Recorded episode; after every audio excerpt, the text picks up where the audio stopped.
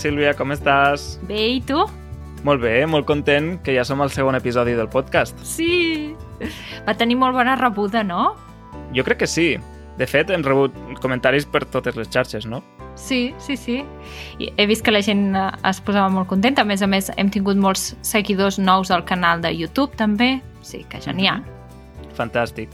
Doncs potser podem llegir alguns comentaris mm, que hem rebut. Per exemple, a YouTube, l'Anthony Thompson diu que li encanta escoltar els podcasts en el seu idioma, l'anglès, i havia buscat un podcast en català però no n'havia trobat cap. I mira, ara ja en té un. Fantàstic, veus? I d'altres comentaris? Per exemple, a Instagram ens va parlar una noia, la Bela, i ens va dir em va agradar molt el podcast, seguiu així. Podeu fer episodis sobre coses culturals, d'autoestima, tècniques d'aprendre idiomes ràpidament... Hmm. Bé, sí, ja ho vam dir, no?, en el primer episodi o, o en el tràiler que volem parlar precisament de cultura, evidentment, de la cultura dels països catalans, però també de l'aprenentatge de llengües, de la llengua catalana... Sí, potser ara aquest temps en què estem vivint potser és un tema bastant interessant ara mateix. I també a Twitter l'Spence diu I subscribed so fast, m'hi he subscrit de seguida. Això és el que heu de fer tot, eh? Exacte.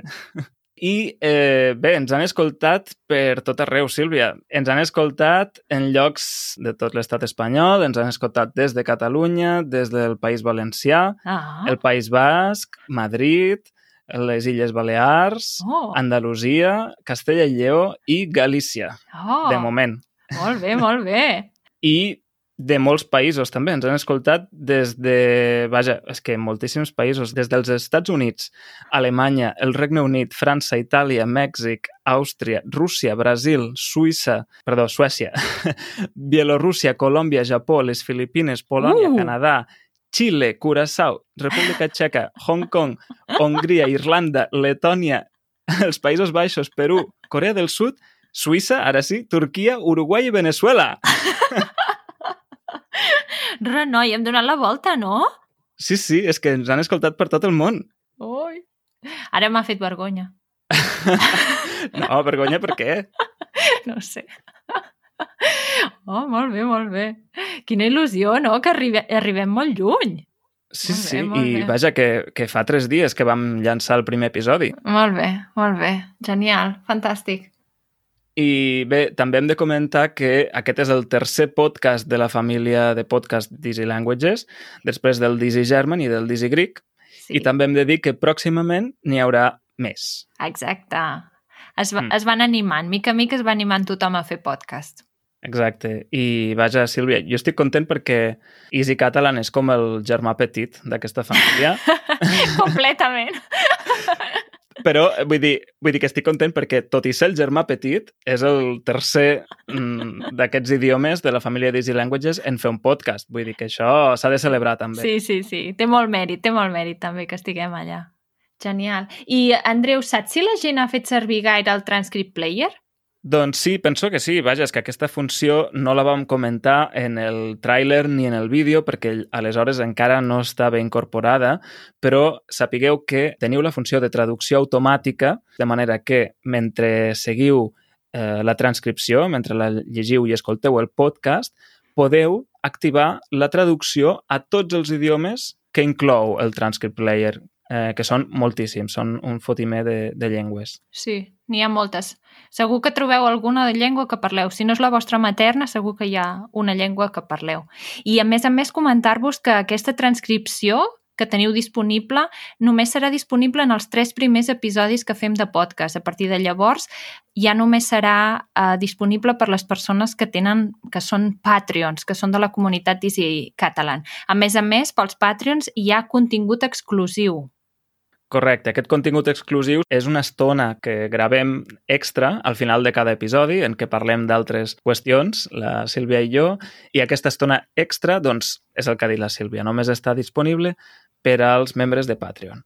Bé, i també volíem comentar que avui, dia 13 de març, que és el dia en què gravem aquest episodi, Easy German, en el seu podcast, ha publicat un episodi en què parlen precisament del nostre podcast, del podcast d'Easy Catalan, Uh! També parlen de la llengua catalana, d'algunes dades, per exemple, de quants parlants té o on es parla aquesta llengua, i també de la diversitat lingüística. Oh, molt bé, molt bé. I vaja, també ens hi podeu sentir a la Sílvia i a mi parlant en alemany. Sí. Després m'ho escoltaré, perquè encara no ho he sentit. Després m'ho escoltaré a veure què, què diuen. Segur que és molt interessant. Home, a veure, sempre fa il·lusió no? que parlin del, del català en un, en un podcast tan important com el Dizzy German, que Sí. pel que tinc entès, ara mateix és el podcast número 1 a Alemanya en, en ensenyament de l'alemany. Exacte. Ho dius molt bé. Sí. Doncs, Sílvia, tenim dos preguntes extra per a tu dels Mhm. nostres seguidors. O sigui, Mhm. són persones que volen saber alguna cosa més encara sobre tu. no n'hi ha hagut prou amb, amb tot un episodi en què t'entrevistàvem. No, són dos preguntes breus. El primer és el James, que pregunta si sempre has parlat català a casa. Sí, sí, sempre he parlat català. Mm, Mhm. Tant amb els meus avis materns com els meus avis paterns um, parlava català i amb els meus pares sempre hem parlat català. Per tant, sí. Clar, perquè tu, en el primer episodi, deies que les teves llengües maternes són el català i el castellà, no? Mhm. Aleshores, potser el James es pensava que... Bé, Ah. que s'ha preguntat això per, per veure si a casa parleu les dues llengües o només una. Uh, o sigui, de parlar les parlem, però habitualment sempre parlem en català. Vaig, bueno, vaig comentar que, que parlava les dues llengües maternes perquè, com la majoria de persones que han nascut aquí a Catalunya, la llengua catalana i la llengua castellana són les dues llengües en què aprens a l'escola i que pots veure a la televisió, pots escoltar a la ràdio i fas vida conjuntament. Però si parlem de llengua materna en el sentit de la llengua que t'han ensenyat els pares, en el teu cas és el català, m'imagino. El català, exacte. Uh -huh. Sí. Molt bé. I després, uh, un tal SC Vila, aquest és el seu nom d'usuari, ens pregunta com vas conèixer i com vas entrar en el món d'Easy Languages. Ah, doncs jo era seguidora d'Easy Languages perquè em, em, sempre m'ha semblat un projecte molt interessant i el seguia a les xarxes socials, al Facebook que tenen, i també em mirava de tant en tant vídeos del canal de YouTube d'Easy Languages. I un dia van publicar al Facebook dient que buscaven gent que comencés el projecte amb la seva llengua materna. Això volia dir que si, per exemple, parlaves, per exemple, Swahili, i aquesta era la teva llengua materna, doncs mm, volien que tothom s'animés a fer vídeos i a començar diferents llengües que ara mateix no tenien a Easy Languages. I vaig mirar a veure si hi havia Easy Catalan, no em sonava que hi haguessin vídeos d'Easy Catalan, però ho vaig mirar i vaig veure que no n'hi havia i vaig pensar Mhm. que potser seria una bona idea fer-ho. I per això va començar tot. I eres conscient en aquell moment de tot el que arribaria després? O sigui, No. de tot el que comporta... Perquè, clar, tu això vas començar individualment, però ara no ets només tu, sinó que som tot un equip Sí. de... de vaja, i quants som ja? Som Eh. tu, el Joan, la Paula... Perdó, uh, sí, la Paula ho ha estat fins fa poc, Sí. la Sophie, el Jack, la Mònica, la Sam i jo, set persones. Sí, i a, i a veure si s'anima més gent, o sigui, com més serem, més riurem. Vull dir... sí, sí. A veure. Mira, relacionat amb el tema de la, de la diversitat lingüística, no? que, és a dir, relacionant-ho amb l'episodi d'Easy German en què parlen del nostre podcast i de la diversitat lingüística, des d'aquí animem a tothom que parli una altra llengua, sigui quina sigui, que no estigui encara present en el projecte d'Easy Languages, a fer el mateix que vas fer tu i a crear un nou canal. A mi m'agradaria molt que hi hagués Easy Occitan o Easy Basque o Easy Galician, per exemple. Seria xulíssim. Ai, seria, seria molt bonic. Sí. Doncs això, des d'aquí animem a tothom a fer el mateix pas que va fer la Sílvia perquè és una manera també de conèixer, o sigui, de conèixer molta gent. I d'aprendre molt. Hmm. S'aprèn moltes coses, no només de tècniques de gravació i de com fer els vídeos correctament, sinó també aprendre moltes altres coses de cultura i, i llengües. Bé, i ara passem al tema del dia i avui tenim una altra novetat que hem de comentar, que és que ja tenim un jingle Oh! per a les nostres seccions. Molt bé. Així que comencem... El tema del dia. Oh, que xulo! Molt guai. T'agrada? Sí, sí, m'agrada molt. Bé, li hem d'agrair a la Patrícia, la meva companya de feina, que hagi accedit a posar-hi la veu per fer, per fer aquest jingle Que fantàstic. bonic. Moltes gràcies. Molt bé, doncs el tema del dia és sobre la vida al camp i la vida a la ciutat, perquè en l'entrevista que et van fer en el primer episodi tu vas comentar que vius al camp i, vaja, no ho vam comentar, però jo visc a ciutat, visc a Barcelona, ja des de fa 10 anys, més o menys. Uh -huh. Però abans havies viscut al camp? Sí, Va. exacte. O sigui, jo sóc de camp. És a dir, aquest capítol, aquest episodi no serà una batalla sobre què és millor, si viure al camp o viure a la ciutat, perquè jo visc a ciutat, però sóc mm, més partidari de la vida al camp. O sigui, això ja ho vull deixar clar d'entrada, perquè jo sóc nascut al camp. Així no sé què hem de discutir. Ja ho tenim clar, Andreu. doncs apa, passem a l'expressió de la setmana. No, no, però vull dir que avui volem parlar d'aquest tema i perquè tu vius al, al camp, jo vic a ciutat i, vaja, crec que és un tema d'actualitat també perquè en els darrers anys, en les darreres dècades, a Catalunya havia hagut un, una tendència al despoblament de les zones rurals. Uh -huh. És a dir, cada vegada hi havia més pobles amb població envellida, amb joves que se n'anaven cap a ciutat per trobar feina, no? per, perquè, perquè allà hi ha més oportunitats laborals, per exemple. Però resulta que en els últims anys aquesta tendència s'ha invertit i, encara que sigui poc, les zones rurals a Catalunya s'estan eh, estan guanyant habitants. Aleshores, és un tema d'actualitat i, per exemple, a Twitter hi ha un canal, o- sí, un, un perfil de Twitter que es diu Repoblem, Uh -huh. us en posarem l'enllaç a les notes del programa perquè el mireu i és un, és un perfil que es dedica a difondre, eh, per exemple, pobles que tenen negocis que es traspassen o masies, mm, cases que estan lliures per ser habitades i que estan en bon estat. És a dir, Sí. que difonen informació amb l'objectiu de repoblar -huh. Pobles petits que han perdut habitants durant anys i anys. Sí.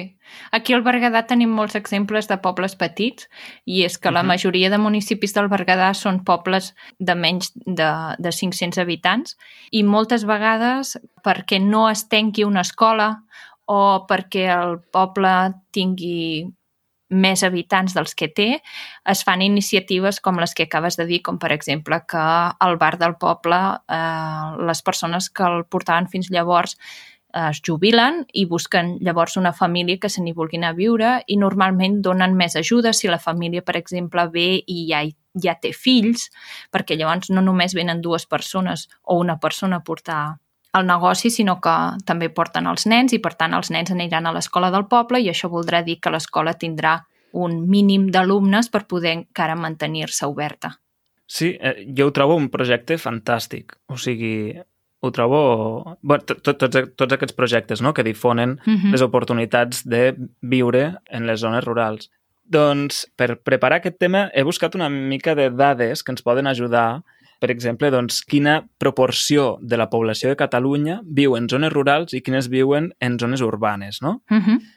Uh, actualment, la població de Catalunya, quina és, Sílvia? Tu saps la dada? mm, 7 milions i mig?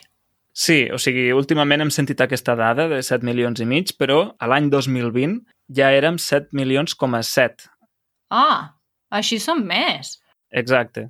200.000 persones són moltes persones. És, és, és més que tota la població de la ciutat de Lleida. Sí, sí. Doncs actualment som més de 7,7 milions de persones i el 90% de la població viu a la zona metropolitana de Barcelona i les comarques costaneres, mentre que el 10% viu a la Catalunya interior. El 10% som els bons. No, no, és broma. Jo no volia dir això, però... És broma, és broma. Tothom és bo, però imagina't tu aquest 10% que no som a l'àrea metropolitana els esforços que hem de fer per no viure-hi, no? Perquè vull dir, tots els avantatges que, que tenen la gent que viuen a l'àrea metropolitana nosaltres no els tenim. Una altra cosa és el percentatge de població que viu en zones rurals i la que viu en zones urbanes, Mm. que aquesta és una altra dada. Ah, d'acord. D'acord? I és que a Catalunya hi ha 947 municipis, però la població rural és molt poca, perquè la majoria de ciutadans, que són més del 95%, es concentren en 300 municipis de més de 2.000 habitants. I aquests són considerats població urbana. Més de 2.000 habitants és població urbana. Oficialment es considera que a partir de, dos, de 2.000 habitants és població Mm. urbana i menys de 2.000 habitants, població rural. D'acord? D'acord. També cal dir que aquesta tendència que s'ha revertit de despoblament es troba sobretot, és a dir, le- les zones que s'estan repoblant són sobretot Olot, Balaguer, Tàrrega, Berga, Berga, perdó, Berga Ja estava a punt, eh? Ja estava a punt. i Puigcerdà, que això inclou doncs, la zona on vius tu, no? Clar, exacte, exacte. Per tant, bones notícies o males, no ho sé, ja m'ho diràs tu. No, no, bones, bones, sempre és bo. Sempre és bo que vingui gent, sí, oi tant. Uh -huh. Perfecte. Aleshores, jo et volia preguntar una mica més sobre el lloc on vius tu, si és un poble o no és un poble, és a dir, vius a Pagès, vius en un poble de menys de 2.000 habitants... Jo visc a un municipi Uh -huh. que no té carrers.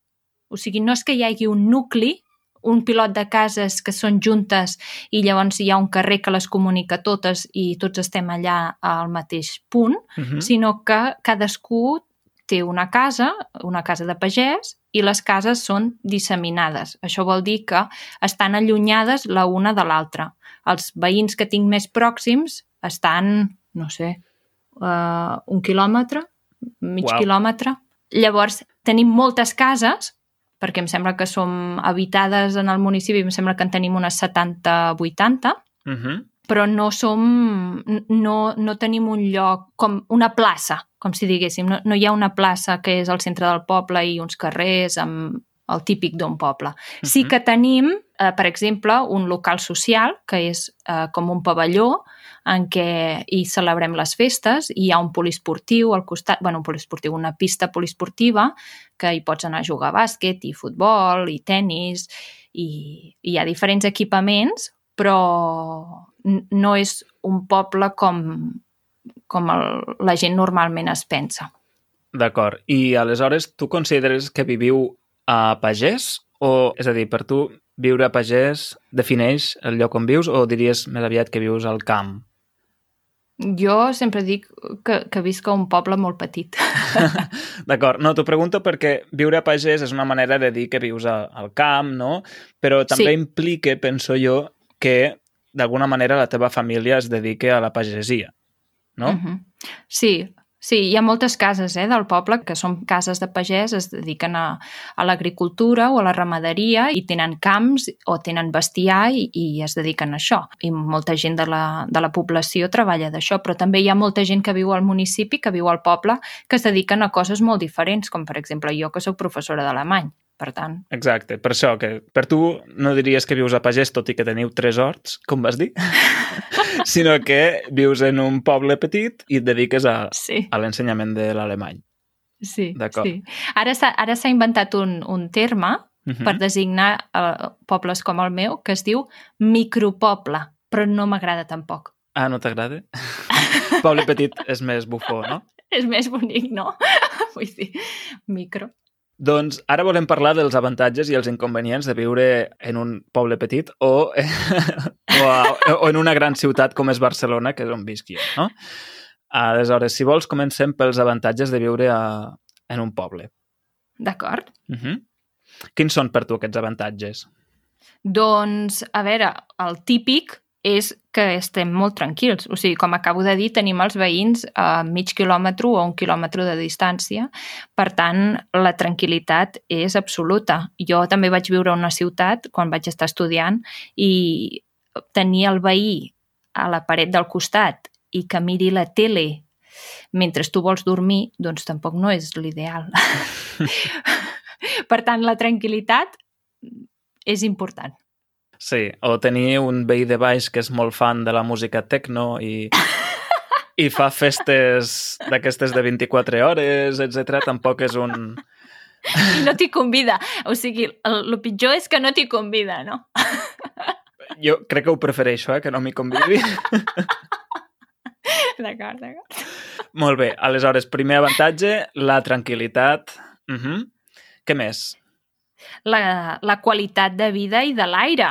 Vull dir, a, a Barcelona, eh, per exemple, com a gran ciutat, la qualitat de l'aire sempre és un problema i, i per exemple, s'estan fent moltes mesures en contra de la circulació de cotxes, eh, per millorar les zones verdes i, en canvi, nosaltres mm, normalment no es té aquest problema perquè la, la qualitat de l'aire i de la vida és, és molt més saludable.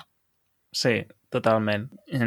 Jo, de fet, des que visc aquí a Barcelona, que això ho he notat moltíssim, la qualitat de l'aire, o sigui, la contaminació ambiental i acústica, perquè hi ha molt de soroll, també. Sí, uh, de fet, sí. jo visc en un carrer que és força transitat, és només d'un carril, però és molt transitat, i si no tanco les finestres, uh, és impossible concentrar-se aquí.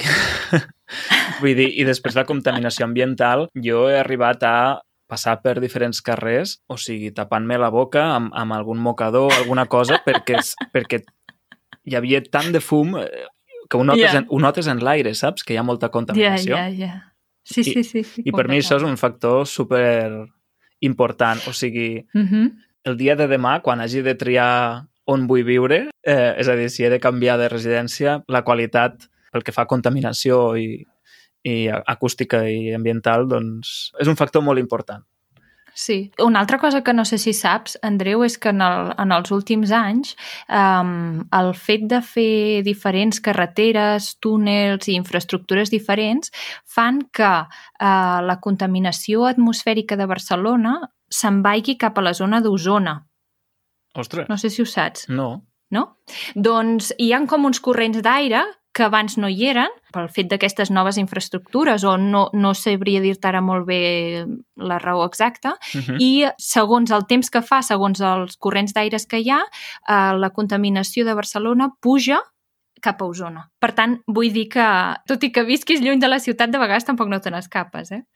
Ja, ja, que fort. Mm. Vaja, doncs Osona no serà el lloc on aniré a viure.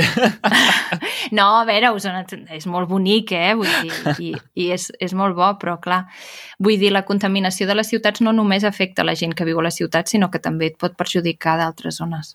déu nhi Què més? Quins altres avantatges tenim de viure en zona rural? Una cosa és el tema de l'habitatge. Això és un, un, jo crec, un avantatge i un desavantatge. Uh -huh. El desavantatge és que l'oferta de l'habitatge és molt reduïda, no hi ha gaire oferta, no hi, no, no hi ha gaires cases i pisos per poder llogar o comprar, però l'oferta que hi ha és mm, normalment molt més econòmica que les grans ciutats. Sí. Vol dir que per eh, 350 euros pots tenir un pis amb terrassa o jardí, més garatge de dues habitacions amb cuina i lavabo, a Berga, per exemple, i per 350 euros a Barcelona potser pots llogar una habitació. Mm -hmm, totalment, sí, sí, és així. O, per exemple, jo conec gent que viu en un poble al costat de Lleida, en un poble petit, i que per 500 euros té un dúplex, és a dir, un, un, un pis que són dos pisos, amb dos terrasses i pàrquing inclòs, doncs per 500 euros, no? Clar, això a Barcelona yeah. no ho tens ni de broma. no, bueno, se'n riurien de tu, jo crec. Sí, sí. sí. I, I a més a més, doncs, tenen la tranquil·litat de viure en un poble, la, sí. la qualitat de l'aire és més bona, etc sí. etc. no? Sí, sí, uh -huh. sí, exacte. Un altre avantatge que hi ha de viure a, a, a pagès o en un poble petit és eh, que tens la natura al costat de casa. Uh. -huh. Vull dir, a les ciutats també hi ha natura, perquè també hi ha parcs i hi ha, per exemple, Barcelona té Collserola i molts altres parcs a dintre de la ciutat mateix, però um, uh, és diferent. Tenim, tenim molta natura i molt, molts llocs on poder anar a fer esport i on poder descobrir uh, indrets que potser no hi havíem estat mai diferent no, és que no té res a veure, perquè sí que aquí a Barcelona tenim un parc que és el Parc de Collserola, que és molt gran i, i s'hi poden fer rutes a peu, en bicicleta, i està molt bé, però, és a dir, t'hi has de desplaçar, no ho tens a tocar, com, o sigui, uh -huh. vivint on vius tu, és que surts de casa i ja estàs en plena naturalesa, segurament. Sí, sí, sí. sí. No? Clar, en el meu cas, si vull anar a Collserola, he d'agafar un tren o un, o, o un autobús primer, i després els parcs que hi ha són més aviat petits, excepte un, que és el parc de la Ciutadella, no? Doncs sí, jo estic totalment d'acord amb, amb això, amb el contacte amb la, amb la naturalesa, és super important. I et puc confessar una cosa? Sí, clar. jo quan vaig a Lleida, o sigui, jo sóc molt fan del Senyor dels Anells. Ah, molt bé. I quan torno a Lleida i, i veig que tot és verd i que, ja, que, es, Ah! que es respira aquesta tranquil·litat, saps, a tot arreu i tal, em sento com un hobbit que torna a la comarca.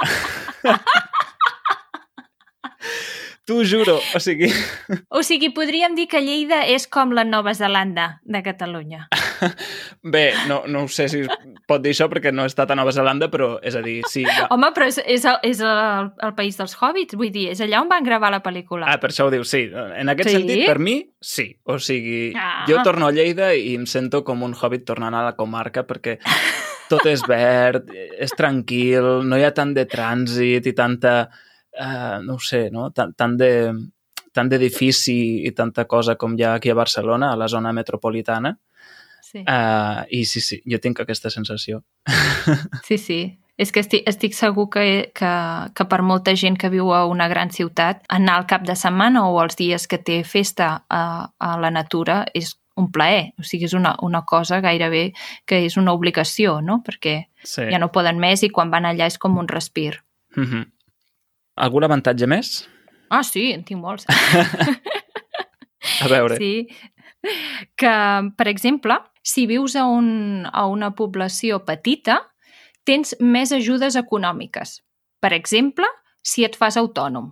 Ah, sí? Sí, si et fas autònom, tens normalment una ajuda econòmica eh, ja preestablerta que la té tothom quan comença, però, a més a més, hi ha una ajuda econòmica si ets jove i si vius a un poble petit. Mm.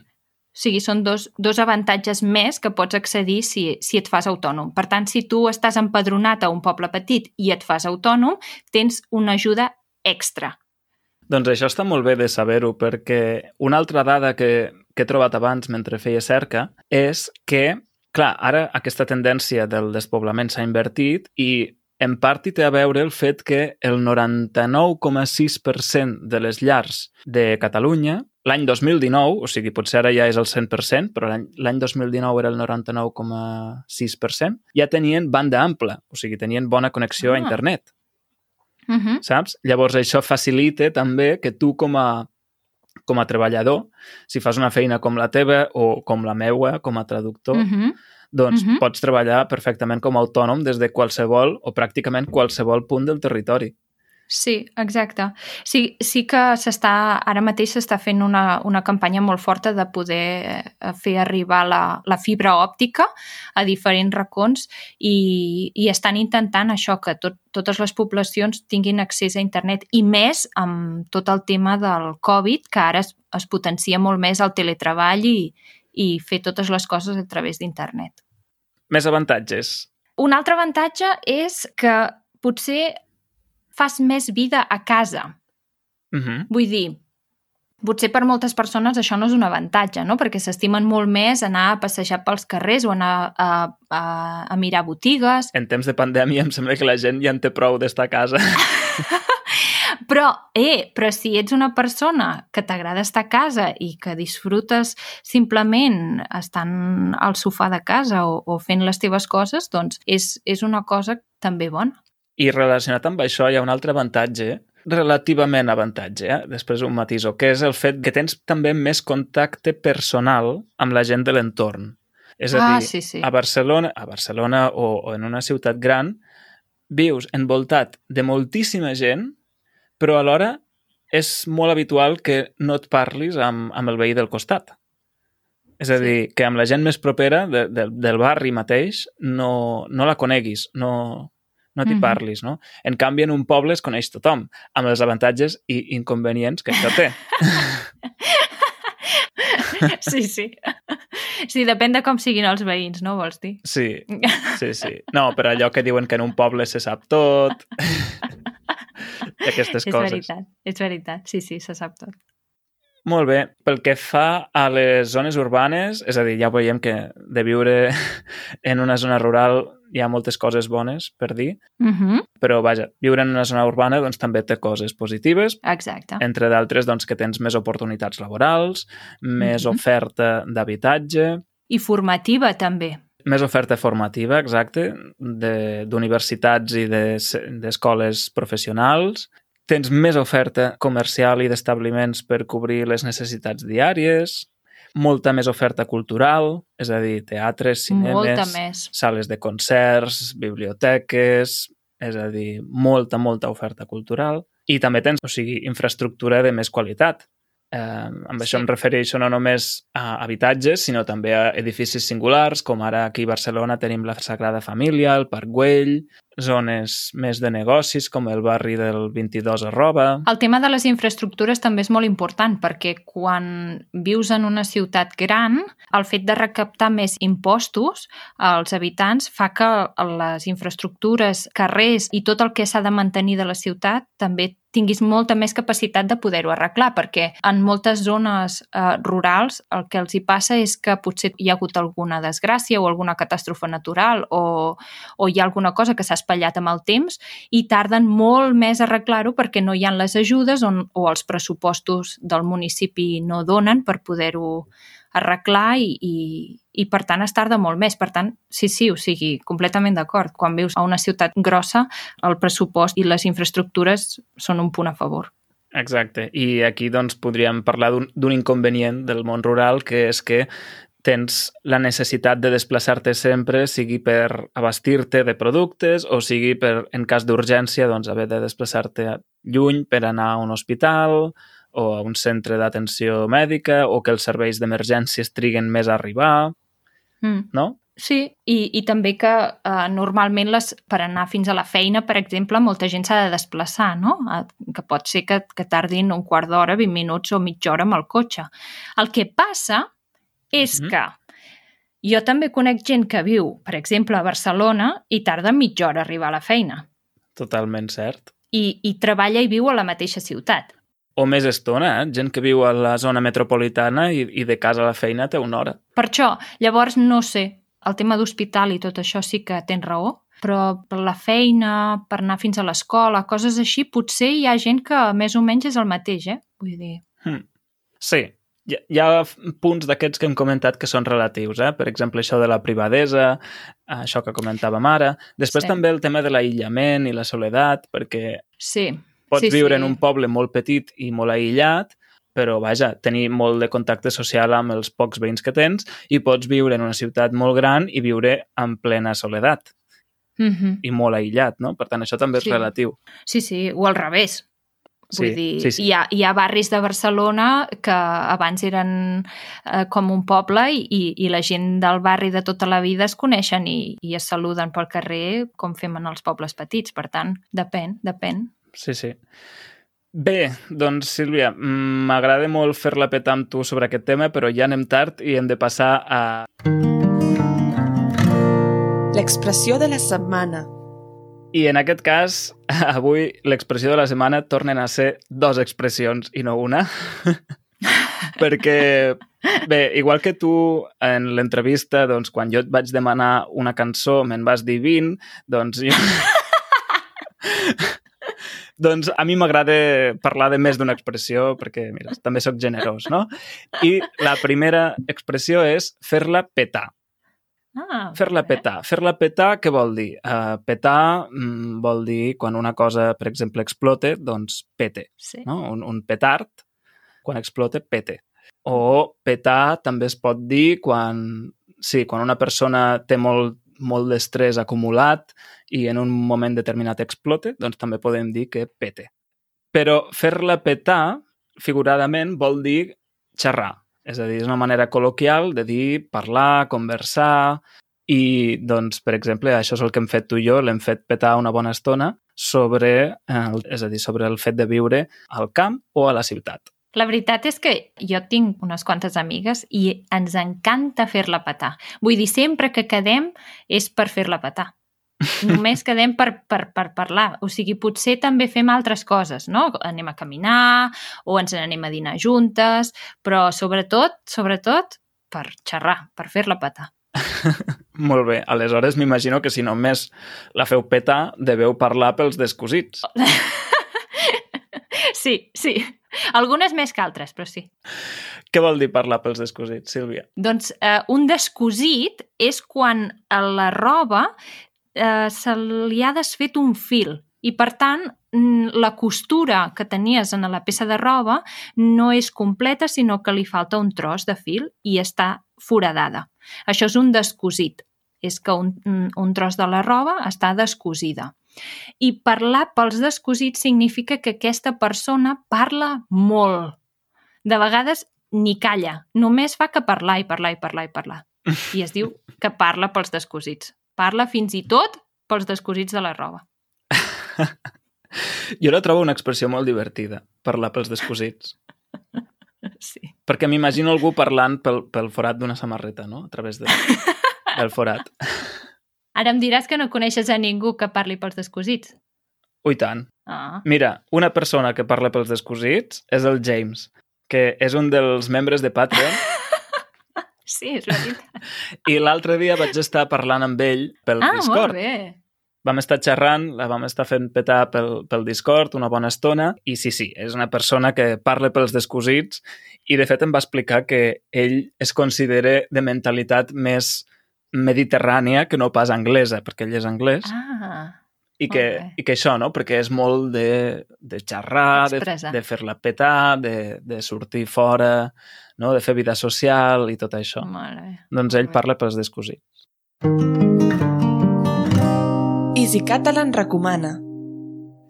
I eh, lligant-ho amb aquesta conversa que vaig tenir amb el James pel Discord, la primera recomanació és això, el nostre canal de Discord, que hi podeu accedir si us feu membres de Patreon. En aquest canal tenim, en aquest espai, tenim canals de veu per poder parlar en directe, com ho estem fent tu i jo ara, Sílvia.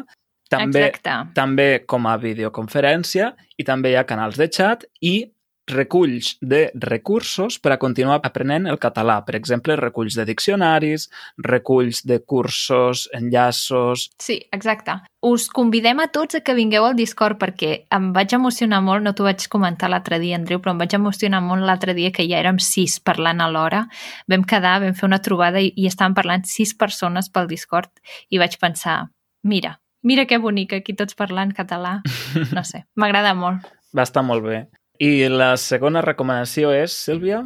La Parella't. No sé si ho coneixeu, però és un programa per trobar una parella lingüística. Tots els que estigueu aprenent català i vulgueu practicar el vostre català amb algú, us podeu inscriure a Aparella't, que s'escriu amb doble P, perquè ve de de l'anglès, d'aplicació, Aparella't, i allà us buscaran una persona catalanoparlant, que serà la vostra parella lingüística, i podreu parlar online, o sigui, en línia, a través de l'ordinador. Sí. Més que us buscaran, eh, la buscareu vosaltres mateixos, perquè funciona igual que les aplicacions de, per trobar parella sentimental, diguéssim, de, de dating. Funciona igual, el que passa que és per a trobar una parella lingüística. D'acord? Aleshores, tu en aquesta aplicació pots veure diferents perfils i doncs, seleccionar aquells amb qui creguis que tens més afinitat. D'acord. Doncs ja ho sabeu, per fer-la petar i per parlar pels descosits, teniu el nostre canal de Discord i l'aplicació Aparella't. Genial. I ara, ja per acabar, doncs eh, sapigueu que ens podeu escriure per les xarxes socials o ens podeu escriure un correu a podcast arroba easycatalan.org amb els vostres comentaris, les vostres opinions sobre el tema de la vida al camp o a la ciutat. Què sou? Què sou? Pro camp o pro ciutat? Heu de dir-ho. Exacte. Ens ho podeu escriure o també podeu enviar-nos missatges de veu i així els inclourem en els episodis. Fantàstic. Molt bé, doncs això és tot, Sílvia. Crec que ho podem deixar aquí. Molt bé. Doncs que vagi molt bé a tothom i ens tornem a sentir d'aquí a, a, a una setmana? Dos setmanes. Dos setmanes, d'acord. Fantàstic. doncs apa, que vagi bé. Adeu. Adeu, adeu.